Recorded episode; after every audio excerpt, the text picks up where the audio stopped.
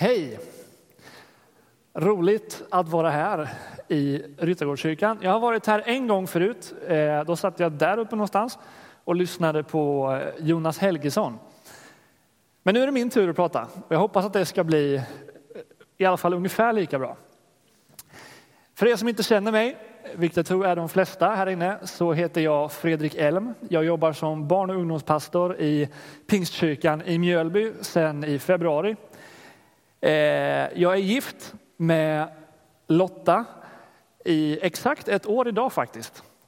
Eh, vilket är lite roligt. Men precis som då så fick vi inte träffas förrän på eftermiddagen ungefär. Utan det är lite som måste fixas sådär innan. Jag, eh, vad ska man säga mer om mig? Eh, jag gillar hårdrock. Jag gillar Star Wars. På fritiden så spelar jag paintball. Eh, kör Saab. Nu.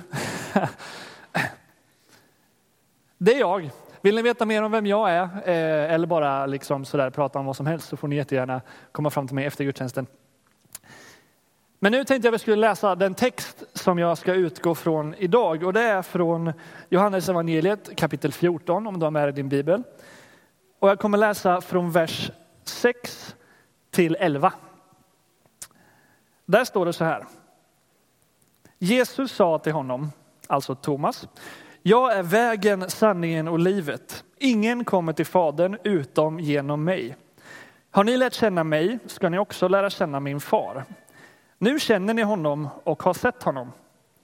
Filippus sa, Herre visa oss Fadern så räcker det för oss. Jesus svarade, så länge har jag varit hos er och du har inte lärt känna mig Filippus. Den som har sett mig har sett Fadern. Hur kan du säga, visa oss Fadern? Tror du inte att jag är i Fadern och att Fadern är i mig? Orden jag talar till er säger jag inte av mig själv. Fadern bor i mig och gärningarna är hans verk. Tro mig, jag är i Fadern och Fadern är i mig. Och kan ni inte det, tro då för gärningarnas skull. Vi ber tillsammans för den här predikan. Tack Herre för att du är här. Tack för att du är densamme igår och idag och imorgon och även fast det är semestertider. Tack för att vi kan få förvänta oss din närvaro i den här gudstjänsten Herre. Och Herre, jag ber nu att dina ord ska få landa i oss. Jag ber att du ska få rensa bort det som inte är från dig Herre och sätta klister på det som är från dig så att det verkligen fastnar och blir till liv hos oss Herre. Amen. På SVT så går det nu ett program med Morgan Freeman som heter Jakten på Gud. Det var från början ett, eller ett argument, ett program som gick på amerikansk tv men som nu har textats, textats till svenska och går på SVT. Och där behandlar Morgan Freeman de här stora frågorna i livet. Som till exempel var kommer vi ifrån? Eh, vem skapade jorden? Eller var det någon som skapade jorden överhuvudtaget? Hur uppstod världsreligionerna? Vem är Gud och så vidare. Och han reser runt i världen och söker bland de olika stora världsreligionerna för att försöka hitta svaret på de här frågorna. Och jag tänker så här, att om Morgan Freeman gör ett tv-program om det här, då är det förmodligen inte bara han som funderar över de här frågorna. Jag tror att det finns många som undrar över sånt här. Vem är jag? Vem är Gud? Vad är meningen med livet? Varför finns vi här? Och många söker att hitta bevis på om Gud finns eller inte. För det är helt avgörande för svaret på de här andra frågorna. Och problemet med det är att det inte går. Det är ungefär lika omöjligt att bevisa att Gud finns som om min vän Magnus finns. Jag känner en kille som heter Magnus. Han är uppvuxen någonstans utanför Kalmar. Men så flyttade han till Alunda där jag är uppvuxen för några år sedan. Och vi åkte tillsammans på ett skidläger där varken han eller jag hade med oss skidor. Vilket gjorde att vi fick spendera ganska mycket tid tillsammans när alla andra åkte skidor och vi blev väldigt, väldigt goda vänner ganska snabbt. Magnus, han har inte så mycket hår. Han har ganska mycket skägg. Han kör motorcykel, en sån här stor biffig motorcykel i ett gäng som heter Tribe of Judah, ett kristet mc-gäng. Eh, han tycker om att träna, han boxas och han jobbar med att sälja bildelar. Och han var best man på mitt bröllop. Och för mig så finns det ingen tvekan i världen om att Magnus finns. Men jag kan inte bevisa det. Det går inte. Jag känner flera andra vänner som också känner Magnus och de skulle kunna berätta om honom. Och det mesta de skulle säga skulle nog stämma överens med det jag säger. Vissa detaljer kanske skulle variera lite grann. Men överlag så skulle det vara ungefär samma beskrivning av den här personen. Och det skulle göra det lite mer trovärdigt att Magnus finns. Men det är fortfarande inte riktigt bevisat. För de kanske ljuger för att styrka min predikoliknelse som jag försöker dra här. Och hade jag varit så super, super förberedd så hade jag ju sett till att Magnus skulle vara med här idag. Så skulle jag kunna kalla upp honom här på scenen. Då skulle ni kunna se att han inte har så mycket hår, ganska mycket skägg. Han kanske skulle ha sin mc-väst på sig och ni skulle förmodligen se att han är ganska biffig. Och han kanske till och med skulle kunna få låna en mikrofon och säga jag finns. Men inte ens då är det bevisat. För det kanske är någon snubbe jag träffade på stan här ute som heter Kurt. Som jag sa, hörru du, kan inte du hänga med mig in här i kyrkan? Jag ska dra en liten liknelse och jag behöver en snygg poäng. Så du kan väl låtsas vara Magnus ett tag. Hur jag än försöker så kan jag inte bevisa om Magnus finns eller inte. Utan om du ska kunna få en relation med Magnus och lära känna Magnus, vilket jag rekommenderar för han är en riktigt schysst kille. Då måste du lita på att det jag och mina vänner och han själv säger om honom är sant. Annars går det aldrig. Och på samma sätt är det med den Gud som vi kristna tror på. Det krävs tro och tillit, för Gud han är ingen teori som kan motbevisas eller bevisas. Utan Gud är en person som heter Jesus. En person som föddes för ungefär 2000 år sedan, som gick på jorden i drygt 30 år och som avrättades av romarna. Och det är den person som sa, jag är vägen, sanningen och livet. Och vad spelar det för roll då kanske du tänker? För många av oss som har varit kristna länge så är det här vardagsmat. Vi har hört att Jesus är vägen, sanningen och livet fler gånger än vad vi kan minnas. Så att det är liksom, vi kan rabbla det i sömnen nästan. Men är du här och fortfarande funderar på vad är det här? Vad är, vad är det de kristna tror på egentligen? Så kanske man kan undra. Jesus är ju inte den första eller den sista i världshistorien som har hävdat sig veta hur man kommer till Gud. Men det är så att storyn om Jesus, den slutade inte med att han dog, utan det står faktiskt att han själv kunde förutse i Matteus 16 att han skulle gå till Jerusalem, han skulle få lida och han skulle dödas och sen skulle han uppstå. Och det finns en pastor i USA som heter Andy Stanley som har sagt ungefär så här, min översättning. Om någon förutsätter, förutser sin egen död och uppståndelse och sen lyckas genomföra det, då är det nog klokt att lyssna på vad den personen har att säga. För det är så att man hittar inte Gud genom diskussion, för Gud är inte bara en teori. Man hittar inte Gud genom sensation, för Gud är inte bara en känsla. Man hittar inte ens Gud genom religion, för Gud är inte bara ett objekt för våran tillbedjan, utan man hittar Gud genom en relation, för Gud är en person. Jag är övertygad om att vägen till Gud, sanningen om Gud och livet i Gud finns hos Jesus. Och det är när vi lär känna Jesus som vi också lär känna Gud. Och det jobbiga med det här är att en relationsbaserad tro inte nödvändigtvis gör det enklare. Hade det varit så att vi kan hitta Gud genom att göra vissa saker, då skulle vi kunna checka av den listan och så är det klart sen. Men en relation, den kräver tid, den kräver överlåtelse, den kräver prioriteringar. Jag har varit gift ett år så jag vet detta. Jag vet också att en relation formar och förändrar oss på många bra sätt, men vissa sätt kan vara jobbiga för att förändring kan ibland vara obekvämt. Och en relation är på många sätt inte alltid bekväm. Många gånger så skulle det kunna vara lättare om jag fick göra som jag ville. Men har jag en relation till någon på ett sådant sätt så får jag ibland prioritera och ändra vad jag vill. Och en relation kräver någonting som jag tror att vi människor har väldigt, väldigt svårt med. Den kräver tillit och att vi vågar släppa kontrollen. I en relation så kan jag inte längre styra och ställa och kontrollera och se till att det alltid blir så som jag har tänkt. Utan det finns ett visst mått av att jag måste släppa och låta det bli som det blir. Och hur får man då en relation till Gud? Jo, jag tänkte ge tre tips och jag vet att det här inte är någon uttömmande lista på något sätt alls. Men det är tre bra tips om hur du kan lära känna Gud. Det första är Läs Bibeln. Och programmet kan vi läsa idag, men inte sen. Läs Bibeln. Bibeln, det är inte någon vanlig bok. Eh, det finns vissa som säger att det är fel att kalla Bibeln för en bok. Jag vet inte om jag vill gå så långt. Men faktum är att Bibeln är en samling av skrifter som handlar om Gud, som berättar om världen, som berättar om människan och som berättar om människans relation till Gud. Och den sista delen av Bibeln, den som vi kallar för Nya Testamentet, börjar med fyra texter som heter evangelierna. Och de här evangelierna, det är berättelser om det är berättelser skrivna av människor som levde med Jesus eller sådana som kände människor som levde med Jesus.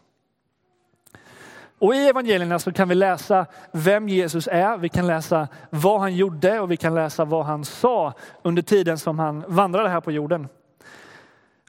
Och jag tror att evangelierna, det är inga sagor. Vi läser dem ofta kanske som det, att det här var någonting som hände för länge, länge sedan. Men evangelierna är inga sagor utan evangelierna är historiska dokument om någonting som hände. Det berättar om en, en verklig person. Faktum är att skulle du fråga de flesta historiker och be dem undersöka evangelierna och jämföra dem med andra historiska skrifter så är de väldigt, väldigt tillförlitliga. Det finns vissa detaljer som man inte är överens om, men i det stora hela så är man ganska överens om att jo, men evangelierna är tillförlitliga historiska dokument. Det är ingenting som bara är påhittat. Och Bibeln är också en bok som inte är tänkt att läsas riktigt som en vanlig bok. Det är inte en sån här bok som du tar med dig på semestern, lägger i solstolen och läser, sen så stoppar du in den i bokhyllan när du kommer hem och så står den där och samlar damm. Utan Bibeln är Guds ord som är levande och verksamt och det är meningen att vi ska läsa det kontinuerligt och leva med det. Jag tror att Bibeln är Guds primära sätt att kommunicera med oss människor. Och jag tror att genom kontinuerlig och liksom långvarig bibelläsning så skapas ett ordförråd i oss som Gud kan använda när han talar. Man säger ju ofta att hos barn som läser så växer ordförrådet än hos barn som inte läser. Och jag tror att det är så med Bibeln också att läser vi Bibeln mycket och ofta så får vi ett andligt ordförråd, om man ska kalla det det, som Gud kan använda sig av. Och jag tror också att Bibeln hjälper oss att hålla rätt riktning och rätt fokus i livet. Det står att ditt ord är mina fötters lykta i psalm 119. Och så är det ofta. Eh, så många gånger i mitt liv som jag har märkt att jag får läsa Bibeln och då får jag vägledning vart jag ska gå. Och den här typen av vägledning är inte, det är sällan att jag läser Bibeln och så står det pang, gift dig med Lotta eller pang, flytta till Mjölby. Utan det kan ofta vara små, små, små, små steg. Precis som en lykta inte är en strålkastare. Det andra tipset som jag skulle vilja ge dig, det är att bjuda in Jesus i ditt liv. Och det här kan man göra för första gången eller så kan man göra det för hundrade gången. Och jag satt och funderade lite grann över det här, bjuda in Jesus i ditt liv. Vad, hur, hur, funkar det? Och det, rent tekniskt så insåg jag att det, jag har inte tid att förklara det idag, hur det skulle gå till så där rent metafysiskt eller vad man använder för termer. Men det finns, ett, det finns två bibelord som jag skulle vilja berätta om som sammanfattar det här på ett ganska enkelt sätt. Det första är från Markus 16 och 16. Där står det, den som tror och blir döpt ska bli frälst. Super, super enkelt, eller hur? Det andra är om du med din mun bekänner att Jesus är Herre och i ditt hjärta tror att Gud har uppväckt honom från de döda ska du bli frälst. Och det här med att bekänna att Jesus är Herre, det innebär att erkänna att i relationen till Gud så är det han som är Gud och inte jag. Det är han som bestämmer och inte jag. Det är han som har koll och inte jag. Kom ihåg det som jag berättade som den här Amerikapastorn Andy Stanley sa att är det en person som kan förutse sin egen död och uppståndelse och sen faktiskt lyckas genomföra det, då kanske han är lite mer värd att lyssna på än jag. Och det här att tro på att Gud har uppväckt honom från de döda då. Ja, den kanske är lite knepigare. Jag vet att det kan vara mycket begärt om du liksom funderar över det här. Hur, hur kan en person vakna från de döda av sig själv?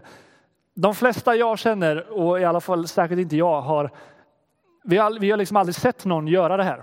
Eh, så min erfarenhet säger att förmodligen så vaknar man inte när man är död, utan de flesta som dör, de, de förblir döda.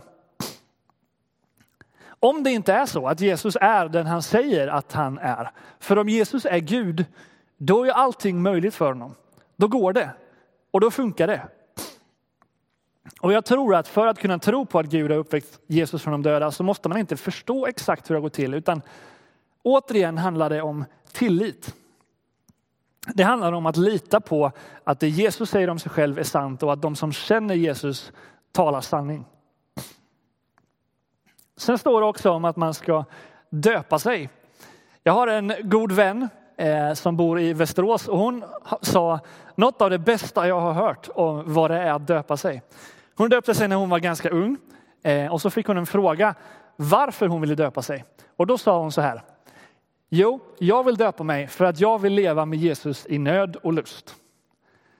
Visst är det fint? Det är någonting som vi i vanliga fall kanske hör på bröllop, att vi vill leva med varandra i nöd och lust. Men jag tycker att det verkligen sätter pricken på vad det är att döpa sig. När man döper sig så bestämmer man sig för att Jesus, nu är det du och jag. Nu lovar jag att jag ska hänga med dig och du lovar att du ska hänga med mig. Nu är vi ett. Jag döpte mig för sex och ett halvt år sedan ungefär. Och för mig så var det inte särskilt sensationellt just själva dophändelsen. Jag minns att vattnet var väldigt, väldigt kallt. Men jag minns också att efteråt så märkte jag en konkret skillnad i mitt liv som är lite, lite svår att förklara. Och jag fick frågan en gång på ett läger att försöka berätta vad dopet betyder för mig. För att inspirera de yngre tonåringarna som förhoppningsvis skulle döpa sig också. Antar jag att det var så pastorn tänkte. Och då tänkte jag, vad, vad betyder dopet för mig? Vad, vad var dopet? Vad, vad, var det det gjorde med mitt liv? Och så kom jag på, ni vet, om man har en dator och sen så installerar man ett program på det, så kan det ibland komma upp en ruta där det står att datorn måste starta, startas om innan programmet kan börja fungera. Har ni varit med om det? Ja, precis. Det kan vara mer eller mindre irriterande, särskilt om man håller på med någonting annat samtidigt. Men precis så var dopet för mig. Det var den här omstarten. Jag trodde på Jesus, jag var frälst, hade varit där några år och liksom sådär. Men när jag döpte mig så var det som att det började funka. Det blev på riktigt och livet fick en helt ny riktning och jag vet att jag inte har varit densamme sedan dess. Så dopet är alltså att bestämma sig för att nu, nu vill jag vara med dig Gud Herre. Nu ska, vi, nu ska vi leva tillsammans. Nu ska jag följa dig och du ska vara med mig. Och dopet innebär också en omstart av systemet där tron får bli verklig, den får börja fungera. Det tredje tipset som jag skulle vilja ge dig, det är ett sånt här hippt ord som många pastorer använder nu för tiden. Det är att plantera dig i församlingen. Det står i Hebreerbrevet 10 att så här står det, låt oss ge akt på varandra och sporra varandra till kärlek och goda gärningar. Och låt oss inte överge våra sammankomster så som några brukar göra, utan istället uppmuntra varandra.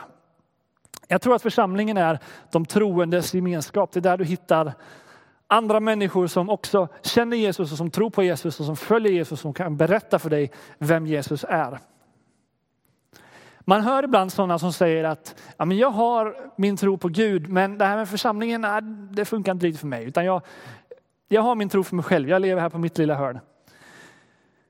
Och det dumma med det, i alla fall i min erfarenhet, är att det funkar sällan. Jag, jag, jag känner några som har sagt detta och som har liksom provat den vägen och det, det går nästan aldrig. Ibland så kommer de tillbaka och sen så blir det liv, men för det mesta så funkar det inte alls.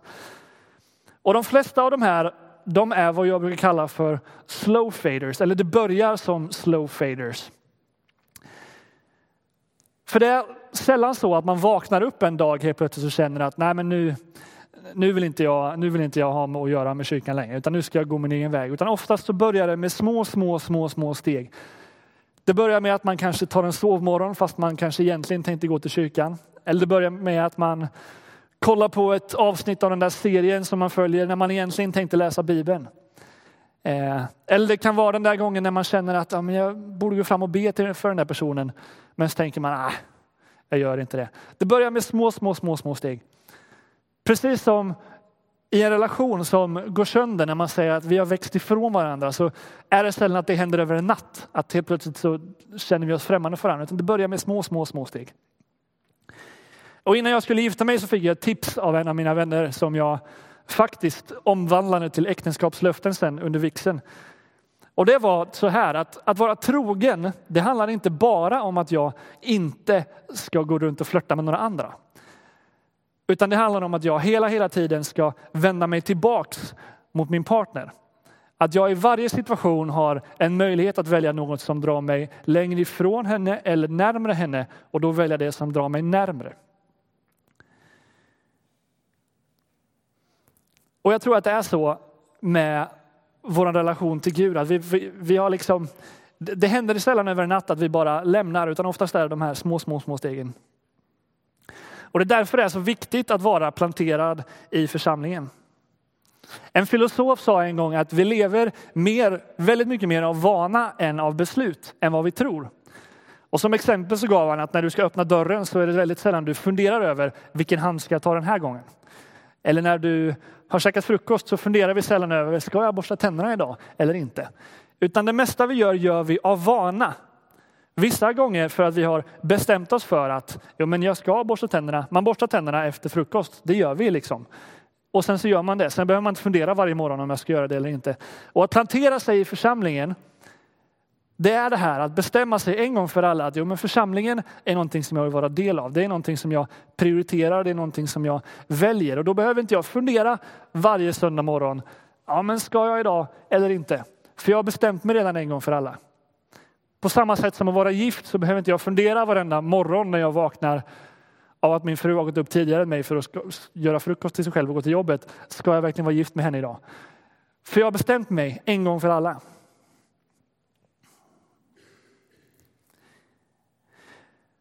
Jesus han säger att han är vägen, sanningen och livet och att ingen kommer till Fadern utom genom honom. Och varför är det viktigt då? Vad spelar det för roll? Jo, jag tror att det är att Jesus är vägen. Det innebär att om du följer Jesus så kommer du inte gå fel. Vi ställs alla inför olika vägskäl och val i livet där vi måste fundera över vad är rätt sak att göra nu? Vem ska jag gifta mig med? Var ska jag bo? Var ska jag jobba? Vilken skola ska jag gå på? Vilken bil ska jag köpa? Alla möjliga frågor, vissa med större impact än andra. Och då kan vi stressas upp över vad, vad är rätt sak att göra? Vad, vad, ska jag göra? Och jag är övertygad om att om du lever ditt liv i en relation med Jesus och följer Jesus då behöver du inte vara orolig. För då följer du den som är vägen som leder dig rätt. Att Jesus är sanningen, det innebär att om vi lär känna Jesus så lär vi känna sanningen om Gud och om oss själva. Överallt runt oss i samhället så märker vi och vi hör och ser budskap om att vi behöver bli lite, lite bättre. Vi behöver bli lite, lite rikare. Vi behöver bli lite, lite mer vältränade. Vi behöver bli lite mer lite snyggare, lite populärare, eh, lite mer framgångsrika för att vi ska duga. Men genom Jesus så får vi reda på att vi är älskade precis hur trasiga vi än är. Vi får reda på att det finns en framtid och ett hopp. Och vi får reda på att vi inte är förlorade utan att vi är räddade. Och att Jesus är livet, det innebär att Jesus är den som fyller våran djupaste längtan. Jag tror att vi är skapade till att ha en relation med Gud. Och jag tror inte att det är någon slump att många av de som lär känna Jesus känner som att de har kommit hem. Jag tror att Jesus han fyller en tomrum i våra liv som ingenting annat kan fylla. Vare sig det är pengar, sex eller makt eller framgång eller vad som helst. Jesus är den enda som kan fylla den platsen. Och det här med att ingen kommer till Fadern utom genom Jesus. Det är inte så där modernt att hävda en absolut sanning nu för tiden. Men hur jag än vrider och vänder på det och läser Bibeln så är det svårt och komma till någon annan slutsats. Jesus lämnar liksom inget utrymme för något annat. Utan han säger att det är han som är vägen. Det står på ett ställe i Bibeln att den väg är bred och den port är vid som leder till fördärvet. Men den väg är smal och den port är trång som leder till livet. Och den porten är Jesus. Det är bara, bara genom det som det går att komma till livet. Många andra som säger sig veta vägen till Gud, de kräver att man gör en massa saker.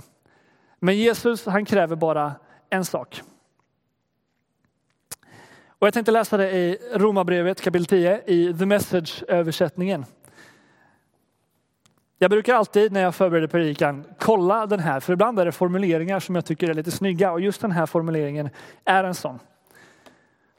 Och det är också ett sånt bibelord som många av oss kanske hört många gånger och får man höra det på ett nytt sätt så kan det ta tag i oss på ett sätt som vi kanske inte har tänkt på förut. Lyssna här. Ordet som räddar är redan hos dig, på tungan i din mun, i hjärtat i ditt bröst. Det är tillitens ord som ber Gud att skrida till verket och rätta till allting åt oss. Det är kärnan i allt som vi lär. Hälsa Gud välkommen med ett Jesus är min mästare. Acceptera med kropp och själ att Gud gör samma sak med oss som han gjorde med Jesus när han uppväckte honom från de döda. Det är alltihopa. Man gör ingenting. Man bara ropar på Gud och litar på att han gör det åt oss. Det är räddningen, det är frälsning. Med hela din varelse tar du till dig att Gud ställer saker och ting till rätta och tar emot honom. Sedan säger du ett högt och tydligt, Gud har gjort allt bra mellan sig och mig. Skriften försäkrar att ingen som litar så på Gud i själ och hjärta kommer någonsin att ångra det. Det gäller oavsett ens religiösa bakgrund. Det är samma Gud som ger alla samma ofattbara frikostiga hjälp. Alla som ropar Gud hjälp får hjälp. Amen.